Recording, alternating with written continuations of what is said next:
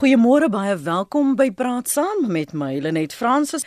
Ons hoor voortdurend van uitvoerende hoofde wat klei trap. Dink aan Brian Molefe se vroeë aftrede, heraanstelling, miljoene in die sak scenario. Dan kan Marcus Jooste en vele ander. Maar vroeër die week het Eskom die aanstelling van Jan Oberholze as die nuwe bedryfshoof van die kragverskaffer aangekondig. Hy werk al 24 jaar lank by Eskom waar hy verskeie poste bekleed, onder meer hoof van die verspreidingsafdeling. En volgens die raad wou hulle bestendigheid in die uitvoerende leierskap bring deur die aanstelling van 'n permanente groep uitvoerende hoof en dan ook 'n groep finansiële hoof. Wat ons laat wonder het, wat's die verantwoordelikheid van hierdie uitvoerende hoofde teenoor die maatskappy, teenoor die raad wat hulle dien, maar ook die gemeenskap en die breë samelewing? Behoort hulle 'n sosiale verantwoordelikheid teenoor alle burgers te hê en bydra tot die nasionale diskurs. Ons gaste vanoggend hier in die ateljee is Brand Pretorius. Hy is die voormalige uitvoerende hoof van Toyota SA, die Makati groep en direkteur van talle genoteerde maatskappye. Een daarvan sal ek maar nou net noem is Tongaat Hewlett. Welkom, goeiemôre. Dis goed om jou weer hier te sien. Goeiemôre Lenet, dit is heerlik om hier te wees en uh, goeiemôre aan die luisteraars en Uh, ek sien uit na ons gesprek. Ons sien dan om jou brein 'n bietjie in ervaring te tap. Dit gaan 'n kort gesprek wees. Gelukkig het ons vir professor Eltie Linkstarm ook hier. So hy is buitengewone professor by die Universiteit van Stellenbosch Besigheidsskool. Goeiemôre professor Links, baie dankie vir jou beskikbaarheid. Altyd lekker om weer te gesels en ook die luisteraars daar buite. Ons hoop hulle gaan 'n goeie vragies vir ons vra dat ons ons brein kan inspann. Is die posbrand van van uitvoerende hoog hoof nog so gesogte pos of word dit maar klappertand aanvaar weens al die polemiek, die drama, die omstandighede? Ek dink dit is steeds 'n gesogte pos, maar uit die aard van die saak is dit deesdae 'n baie groot verantwoordelikheid, 'n baie sensitiewe verantwoordelikheid en uitvoerende hoofde is kwesbaar want ons lewe in 'n deursigtige wêreld verwagtinge is baie hoog. Hulle verdien 'n uh, eh, groot salarisse en uh, derhalwe moet hulle daarin slaag om die belange van alle belanghebbendes uh, uh te eerbiedig en aan hulle verwagtinge te voldoen. So dit dit is 'n dis 'n hoë risiko uh pos verantwoordelikheid. Mm. Maar uh, ek dink 'n wonderlike uitdaging spesifiek in 'n land soos Suid-Afrika waar die rol van die uitvoerende hoof is multidimensioneel. Is daar 'n ander soort vaardigheidsstelsel wat jy nou benodig as in die vroeë 70ers of 80er jare? Absoluut, die wêreld is uh, onvoorspelbaar, die wêreld is kompleks. Uh, reëls en regulasies is amper uh, oorweldigend. Mense se verwagtinge is hoog. Aandeelhouers se verwagtinge is hoog. Die impak van van tegnologie is uh, is moeilik soms om te hanteer. Sakemodelle word ontwrig uh, deur tegnologie en natuurlik uh, die magsbalans het geswaai ten gunste van klante. Uh, klante het al die mag en klante wil alles hê en jy het vinnig vroeër daaraan geraak. Uh, Lenet uh, uitvoerende hoofde word nie net op finansiële prestasie beoordeel nie.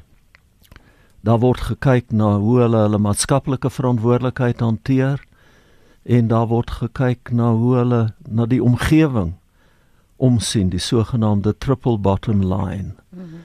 So dit is 'n dis 'n komplekse verantwoordelikheid. Dit is alles absorberend. Maar dit kan ook baie vervullend wees want veral in 'n plek soos Suid-Afrika kan elke uitvoerende hoof 'n massiewe verskil maak deur 'n wêreldklas besigheid op te bou wat winsgewend is wat uh, geleenthede bied aan mense vir loopbaan groei en wat ook betrokke raak by maatskaplike opheffing. Professor Links, dit klink asof jy 'n wonderwerker in een persoon probeer soek. ja, en jy kyk dis 'n uh, dis 'n wêreld soos uh, ons nou gehoor het uh, die, die wêreld het so verander dat jy nie dieselfde uh, eienskappe jy moet dieselfde hê wat voorheen was 20 30 40 jaar gelede maar daar's toenemend druk en toenemende eise wat gestel word uh, wat totaal nuwe eienskappe na vore bring.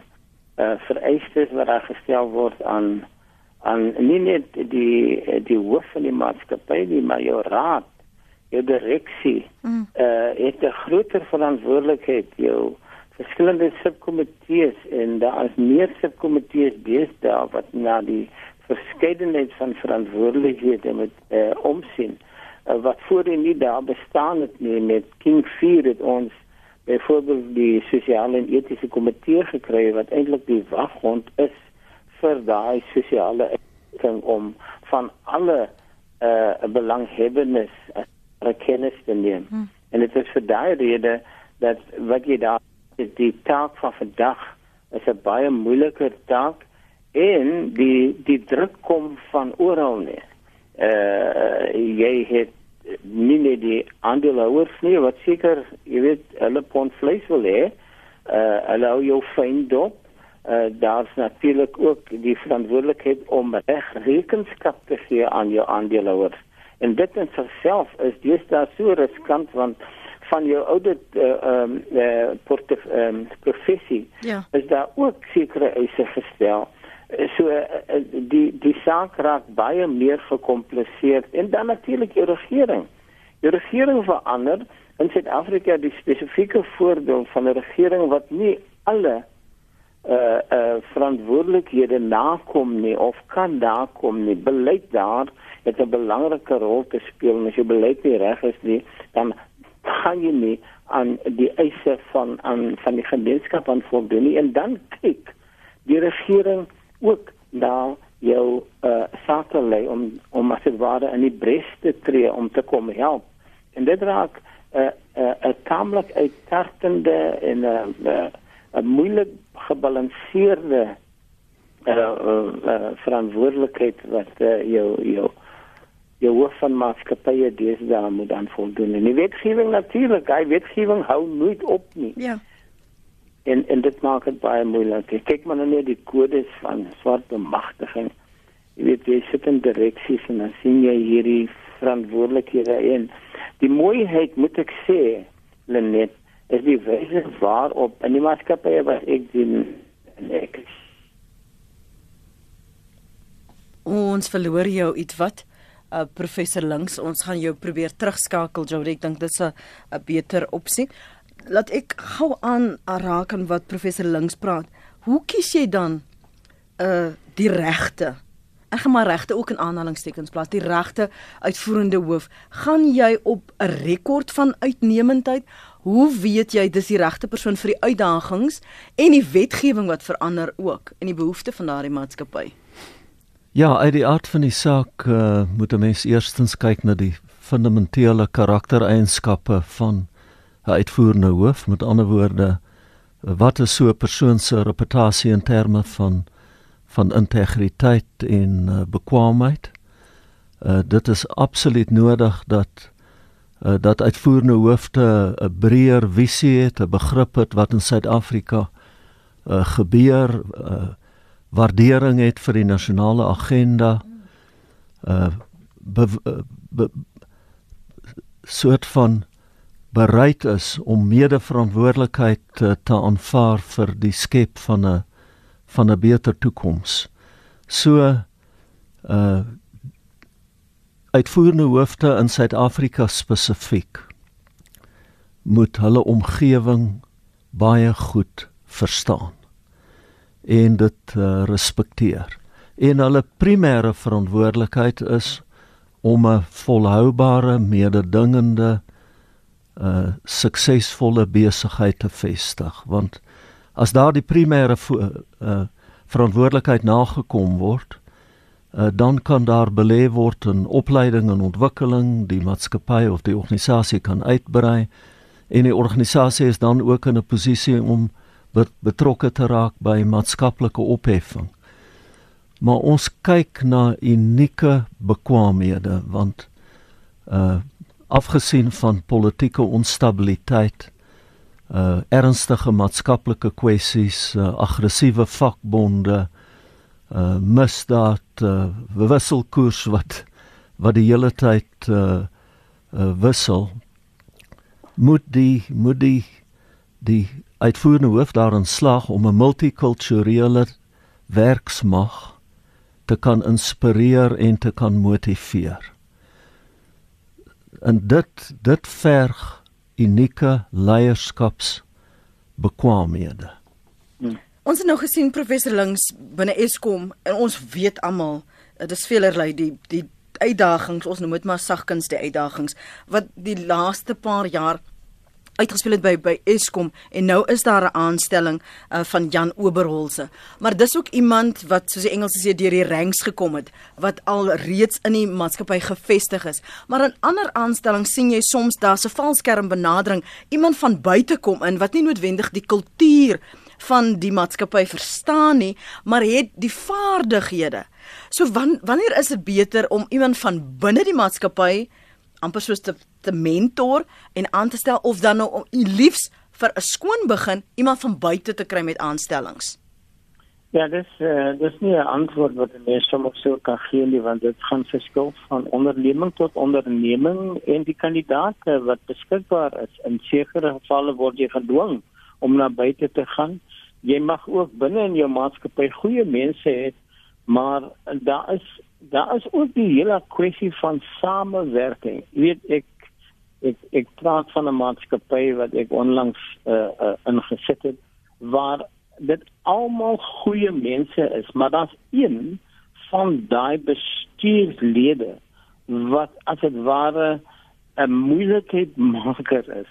Nou dit is alles dinge wat 'n uh, 'n uh, 'n hoof moet na kyk. Ja. Gaan hy ontslaa raak van my enkeling om die samewerking, die gemeenskaplike doelwitte beter te kan na nastreef. Maar in die geval van Eskom, uh, jy weet daar is soveel en ek het nou net weer onlangs gelees van wat die Chinese doen. En in hulle geval is dit net meritokrasie. Jy moet kan die werk eerstens doen. Jy moet kan kwalifiseer vir die werk en jy moet ervaring hê in hy werk. Dan kom ek by die punt uit ervaring in die spesifieke uh ondernemings se aktiwiteite, die sektor is baie belangrik. En ek vra myself die vraag af, is die kader waaruit jy kies, die pool waaruit jy kies dan so eng dat jy elke keer moet 'n probleem moet sit mm. in jou staatsondernemings. Ek ek twyfel daar is genoegsame mense maar dan moet die omstandighede ook geskep word vir iemand om hierdie uitdagings vrymoediglik te gaan aanvaar. Want as as dit te moeilik is dan gaan ek dit nie aanvaar nie. So is 'n balans weer eens van binne ja hy ken die besigheid hy kan daai bydra sommer soos die Engelsman sou sê hy hy is uh, underground running Ja. En en that in itself is 'n uh, is 'n baie groot voordeel, maar uh, dan kan jy iemand van buitekant af kry wat net so goed is wat eintlik 'n nuwe inspuiting en brandstof seker met my saamstem. Soms is daai nuwe nuwigheid, daai entoesiasme, daai innoverende brein en intelligensie wat nodig is van buitekant af jy's dit wat die maatskappy nodig het. Is die pool om van te kies so klein? Want as jy ook agterkom, soms binne die kabinet en in die verlede met aanstellings, het jy ministers wat in portefeuilles aangestel word waar hulle glad nie deur grond is nie. En maar moenie lag nie professor, jy weet dis die waarheid. En dan kom hulle met met 'n magdom adviseurs. Ek ek sal julle liewer sê wat ek gehoor het van een minister wat met 40 gekom het nie. Maar maar dit is hoekom ek vra is die pool wat ons van kankies dan so klein? Uh in sekere gevalle ja, net uh in ander gevalle nie.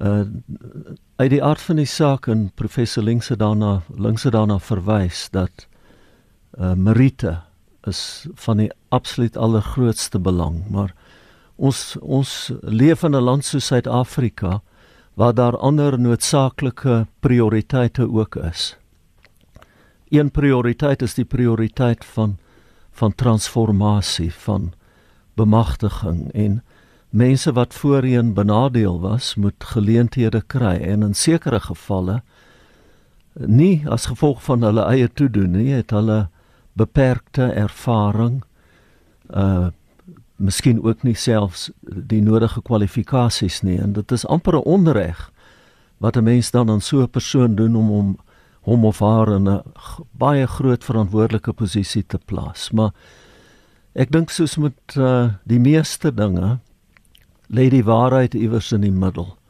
Ons moet daarin slaag in Suid-Afrika om om bemagtiging te versnel om 'n meer inklusiewe ekonomie te skep om uh vir mense wat voorheen benadeel was uh, geleenthede te gee. Maar ons moet dit op 'n regverdige en ordelike manier doen en in sulke gevalle as daar as die onder as die ondervindingsbasis nie perfek is nie en die kennisbasis is nie 100% nie moet ons 'n ondersteuningsstruktuur in so 'n organisasie insit en jy het net nou verwys na mentorskap. Uh dit is baie belangrik. So die die oplossing in ons geval is nie eenvoudig nie, maar ons doen mm -hmm. ons doen dit nie net in ons uh staatsondernemings waar ons uh transformasie versnel nie, ons doen dit ook in uh in private ondernemings en uh met die regte benadering kan al die doelwitte bereik word, kan daar doeltreffende leierskap wees, kan daar 'n prestasiekultuur geskep word en kan resultate gelewer word want dit is die snykant van waaroor leierskap gaan. Die werk moet gedoen word, die resultate moet gelewer word en en eh, dit dit is dit dit verg uh, baie meer harder werk en insig en wysheid in 'n gekompliseerde omstandigheid soos wat ons in Suid-Afrika het, maar dit is moontlik. Brian sê hier, hoe erken jy 'n wolf in skaapklere? Jy kyk na sy spore. Die persoon se geskiedenis moet eerder hm. praat. Een van ons luisteraars skryf hier anoniem sê, my bedryfshoof is heeltemal buite voeling met wat op die grond gebeur.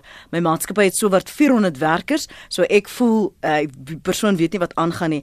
Ek voel hy's te jonk vir sy werk. So miskien wil julle net bietjie nog daaraan raak oor die die bevoegdheid en bekwaamheid en ook hierdie kultuur van jonger aanstel want um, die aanname word gemaak dis die ouer persoon die ouer garde wat al die kennis in pag het Ja, maar ja, ek het brand jy kan maar gaan. Jy is uh, meer ervare. Nee, professor, jy is definitief baie meer intelligent en jy het meer wysheid, so LT antwoord gerus. Ja, nee, ek sê die eh uh, die kwessie van ouderdom is maar altyd iets wat meetlik is as jy nou van uh wie dis dis daar uh, werk mense tot baie uh, uh groter hoër ouderdomme en verantwoordelike posisies en jy kan weer nie uitsluitend wees nie.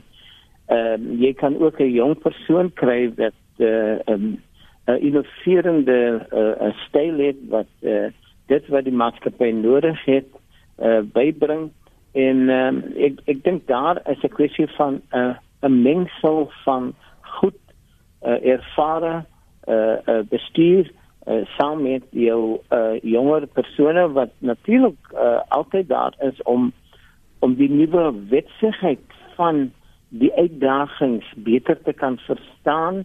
Hy kan dit beter uh uh begryp en en jy weet die tegnologie van vandag is nie vir die elke linkse van die wêreld nie. Uh ek ek sukkel met dit, maar die jonger geslag kom in en hulle maak ons se lewens makliker. So daar's 'n kombinasie hierin. Hmm. En daarom dat direksies eintlik maar 'n belangrike rol te speel het om die strategie en die strategiese benadering en die doelgerigtheid van die maatskappy voortdurend onder loop te neem sodat hulle die jonger garde wat dan nou in die bestuur staan kan 'n bietjie uit daai ervaring uitwys waarheen. Maar jy kan nie die twee uitsluitlik gebruik nie. Hulle is gekombineer in 'n goeie werkende maatskappy jou werkerskorps as self is ook 'n belangrike deel daarvan want jy kry baie van hierdie leierskapseienskappe nie net bo in die hiërargie nie, maar ook hier onder en as jy 'n luisteraar is as leier, dan kan jy baie baie daaruit baat van af jou jonger garde in die maatskappy se ondervlakke. Hmm. Miskien kan ek net uh, byvoeg by wat professor Links gesê het dat uh en om terug te kom na die opmerking wat die luisteraar deurgestuur het. Uh of 'n mens jonk of oud is, as jy in 'n leierskapsposisie is, moet jy betrokke wees met jou mense. Uh jy moet jou invloed verdien. Uh, jy moet jou respek verdien. En dit kan jy net doen as jy kwaliteit uh, advies kan gee, as jy leiding kan gee, as jy 'n perfekte voorbeeld stel in terme van jou beginsels en waardes en natuurlik as jy bekwam is. So uh leiers wat afwesig is.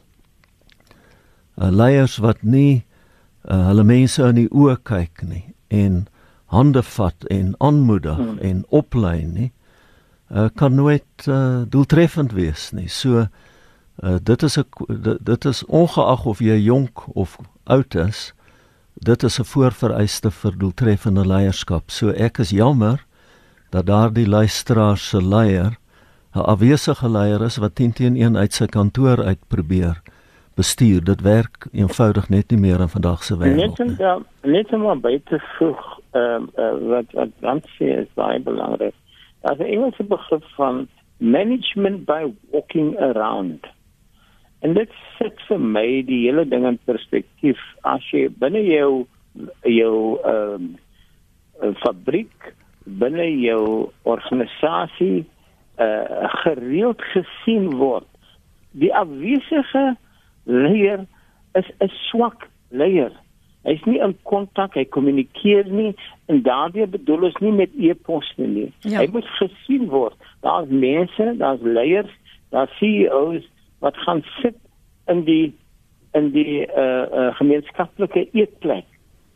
As as sy enigste plek waar hy gaan eet, hy sit nie in sy kantoor en eet of gaan restaurant toe nie. Hy meng met sy mense. Jy weet dis vir my as persoon 'n belangrike eienskap van 'n leier as hy nie met sy mense kan kommunikeer fisies nie dan verloor hy kontak met sy mense en hy weet nie wat hulle behoeftes is nie. Gesels en leer ken hulle. En daai opsig weet jy wat hulle behoeftes is. Jy hulle sal ook vir jou sê wat die probleme in die maatskappy is in sy ja. klein areaatjie. So dit is Dis 'n belangrike eienskap. Kom ons gaan na die lyne toe as jy saam wil gesels 0891104553 op lyn 1 het ons vir Hein Môre Hendrik. Môre net kan ek net begin deur vir jou en jou regisseur jou die geluk te sê met julle paneel vanoggend. Dit is twee wysgehede, albei bekend aan my. Ehm um, deur my vorige werk by die Universiteit van Stellenbosch bestuurskool. So ek is bly om vir Prof LTN vir brand te hoor.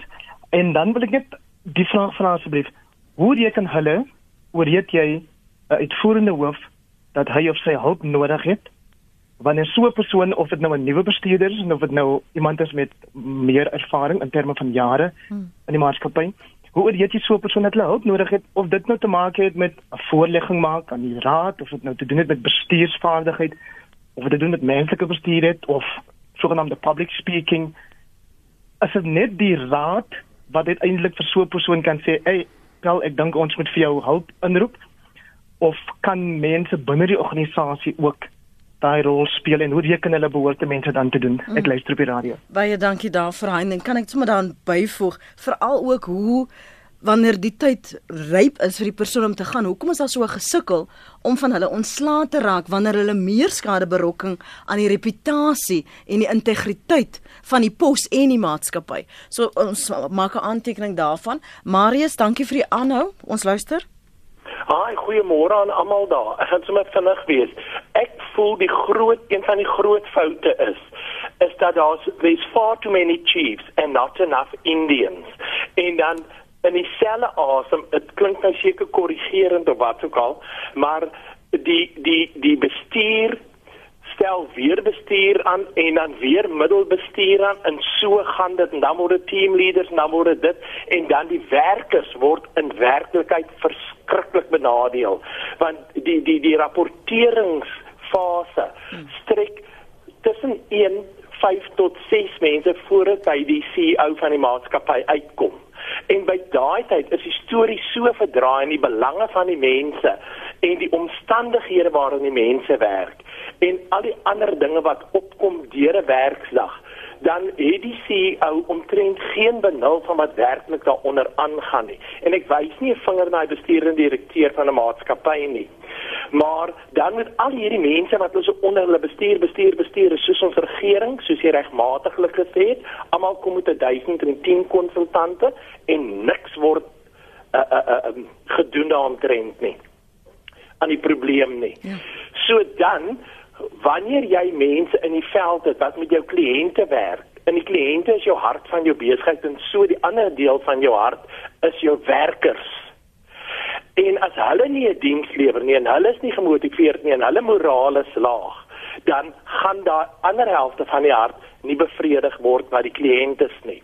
Dis nommer 1, nommer 2 is is dat hierdie klomp bestuurslede is nie bereid om te luister na die mense wat buite in die veld is wat klimaatskappy verteenwoordig nie, want daardie inligting wat daai mense in die veld kry en die mense wat direk met die kliënt werk, ekskuus tog, is die mense wat die direkte en realiteit in die mark beleef, ervaar en die terugvoering vir die maatskappy gee.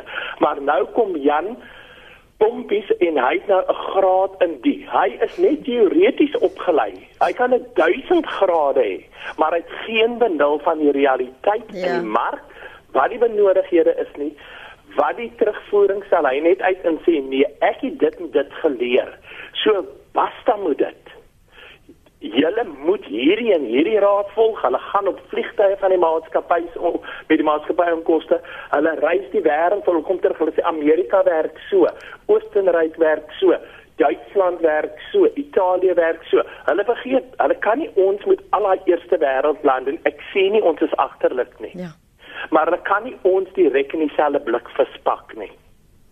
Ons werk met verskillende kulture, verskillende mentaliteite en almal het 'n plekjie in die son nodig. En die laaste ding wat ek wil sê, dit is maklik om altyd net na enige toe te hardloop om plekke af te brand, maar sit met die mense en verduidelik vir hulle Daai agtergeblewenes het nooit gehoor van die woord buitelandse valuta of hoe dinge funksioneer nie.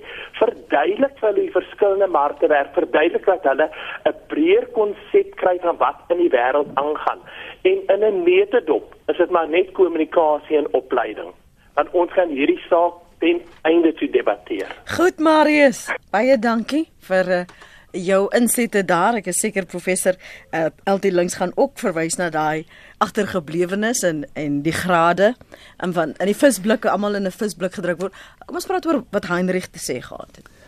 Ja, my my mening uh eh, Lenette so swolg dat dit die uh, verantwoordelikheid van die raad van direkteure is om 'n doeltreffende prestasie bestuur stelsel in te stel ook wanneer dit kom by die beoordeling van die prestasie van die uitvoerende hoof. Uh dit moet uh finansiële en uh, kwalitatiewe suksesfaktore behels en so uitvoerende hoof se se prestasie ten opsigte van sy totale breër verantwoordelikheid moet op 'n gereelde basis uh gedoen word. As 'n bykomende hulpmiddel uh gebruik baie maatskappye 360 grade 'n beoordelingsstelsel deur die kollegas van sê die uitvoerende hoof. En 'n mens kan selfs die personeel betrek deur werknemer betrokkenheidsopnames. En dan kyk die raad na 'n gekonsolideerde 'n uh, prentjie van hoe die uitvoerende hoof presteer uh, teenoor uh, al sy doelwitte of haar doelwitte so gesprek moet op 'n objektiewe eerlike basis gereeld geskied. En as so 'n prestasiebestuurstelsel oordeelkundig deur die raad gebruik word, dan is dit nie 'n probleem as daar 'n uh, 'n uh, 'n prestasie 'n uh, soort van uh, ontevredenheid met die uitvoerende hoof is nie, want dan kom die slegte nuus nie as 'n verrassing nie en om dit in 'n positiewe lig te stel waar probleme uitgelig word deur middel van al hierdie uh, metingsinstrumente kan daar ontwikkelingsplanne vir so uitvoerende hoof in in plek gestel word. Uh, 'n mentorskapprogram, bykomende opleiding en wat ook al. So uh Ja, maar Brand, hoe ontvanklik is hulle as ek en jy en al ons maatjies op die raad saam golf speel? Of ons gaan nou lang vakansies op my boot. Gaan ek nie so vrygewig wees om vir jou te sê, "Baas, ek dink jy het bietjie hulp nodig met jou menseverhoudinge nie." Want ek wil seker maak ek gaan volgende jaar weer op die boot. So, hoe deursigtig is dit werklik? Hoe betroubaar is dit werklik dan? Ja, die die die integriteit uh die kwaliteit, die verbintenis van die uitvoerende die nie uitvoerende direkteure is van die grootste belang. So uh die baantjies vir boeties konsep is nie op 'n is nie op meriete gebaseer nie en en uh, met so 'n bedeling uh, kan daar nie 'n objektiewe beoordeling wees nie. So uh wanneer dit kom by genoteerde maatskappye is dit word 'n proses gevolg om onafhanklike nie uitvoerende direkteure te werf uh wat uh, wat 'n objektiewe beoordeling kan doen wat in belang is van die maatskappy en sy mense in die langtermyn volhoubaarheid van die organisasie. Dit Ek sê tog jammer, professor hmm. Links, ek wil net gou vir jou hier inbring. Hoe verantwoordbaar is hierdie stelsels en die wetgewing en die maatskappye wet om te verseker wanneer uh, daardie uitvoerende hoof en sy of haar maatjies klei trap of die maatskappy en die die beeld en die reputasie in onguns bring dat ons gou genoeg van hulle ontslaa sal kan raak. Hoe afdwingbaar is dit? Want al hierdie onetiese gedrag wat ons hier laaste ruk by maatskappye sien, is omdat daar 'n onderbou was ander mense wat hierdie stelsel aan die gang gehou het. Ja, dis dis 'n dis 'n baie relevante uitdaging wat uh, ek dink veral nou in Suid-Afrika uh die afgelope tyd kop het gesteek het dat jou jou konvensionele beheer kontrole uh uh werk nie so goed nie. Uh daar is daar is redes daarvoor. Ehm um, uh, daar is natuurlik die tipe van organisasie wat wat se leierskap uh, nie die regte voorbeeld stel uh vir die res van die maatskappy nie.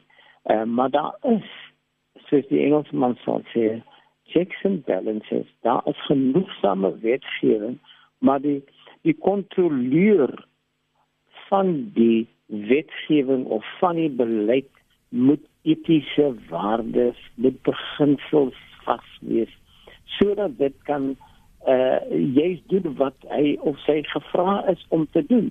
En uh ons het voorgepraat van die etiek Jy weet, dis seker in in die Pretoria skandaal baie meer ervaring vir ons te toonstel van wat die etiese benadering is tot bestuur. En as jy nou sê werk hier goed, dan moet ek vir jou sê dit werk nie altyd nie want die waardesisteem wat uh uh by 'n maatskappy tentoongestel word wat gebruik word, is nie altyd wat verwag word nie en die man kan watse kwalifikasies een van die indallers het gesê jy weet die teoretiese kwalifikasies werk nie so hy kan al daai kwalifikasies hê maar aan laaste instansie moet ek myself in die spieël kan kyk as 'n leier.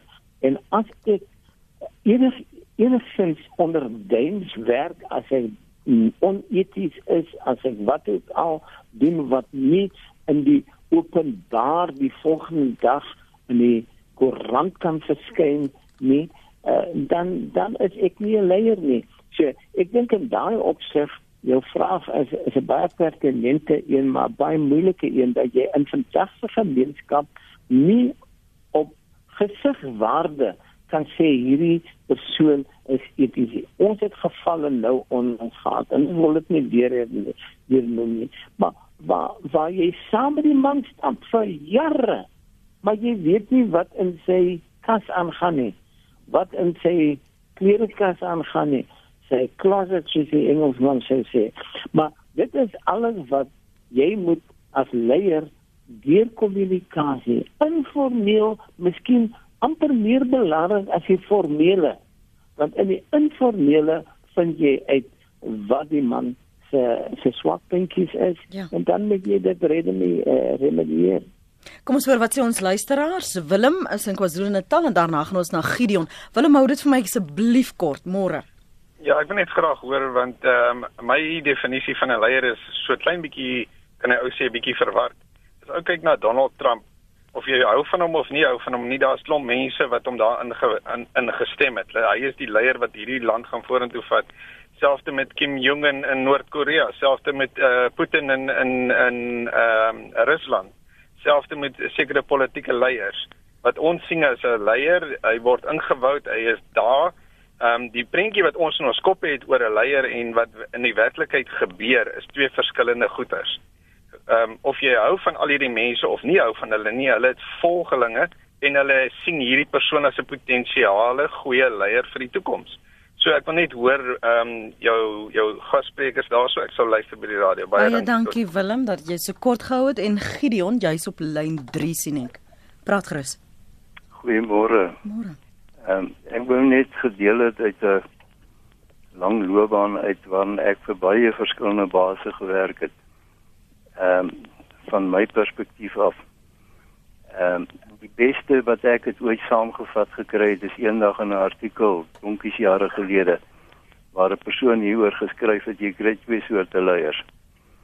Die een hou 'n sambreel en die ander een 'n tregter. Die ou met die tregter maak al die moeilikheid bokant jou bymekaar en laat dit op jou kop afkom. Die ou met die sambreel hou die moeilikheid van jou kop af. By wyse van spreuke as jy 'n meselaar is dan kan jou leier nie messel nie, maar hy kan sorg dat dit nie reën nie terwyl jy messel. Mm. En ek het die meeste waardering gehad vir basse wat die buitewêreld met sy politiek en nonsens van my kop afgehou het terwyl ek my werk gedoen het. En ek het nie gevind dat ouderdom van die leier veel daarmee uit te waai het nie, maar ingesteldheid het alles daarmee uit te waai gehad. Dankie, baie dankie Gideon. Waardeer daardie deel van jou ervaring. Een van ons luisteraars sê, as jy doen soos jou gaste sê, dan word jy 'n control freak uitgekry. Wat is dan die streep tussen betrokkenheid, managing on the floor, soos uh, professor Eltie links gesê het, en dan uh, om 'n control freak te wees? 'n Ander luisteraar sê stel nuwe direkteure aan met 'n basiese salaris sonder voordele vir ten minste 'n jaar tot hy of sy haar bewys. Hulle kry fantastiese pakkette. So kom ek gee vir jou die vloerbrand om te reageer op wat ons luisteraars daar sê. Ja, ek uh, ek leierskap is beide wetenskap en 'n kuns en die akademici praat van 'n uh, eh, uh, soort van sit uh, verskillende leierskapsbenaderings in verskillende situasies, maar in my opinie is daar 'n paar fundamentele dinge wat wat leiers moet doen en of dit nou uh, Putin is en of dit Donald Trump is en of dit Marcus Jooste is of wie ook al. Uh leiers moet uh, die moed hê om voor te loop. Leiers moet uh, rigting kan gee. Leiers moet 'n absolute uitstekende voorbeeld stel wanneer dit kom by beginsels en waardes.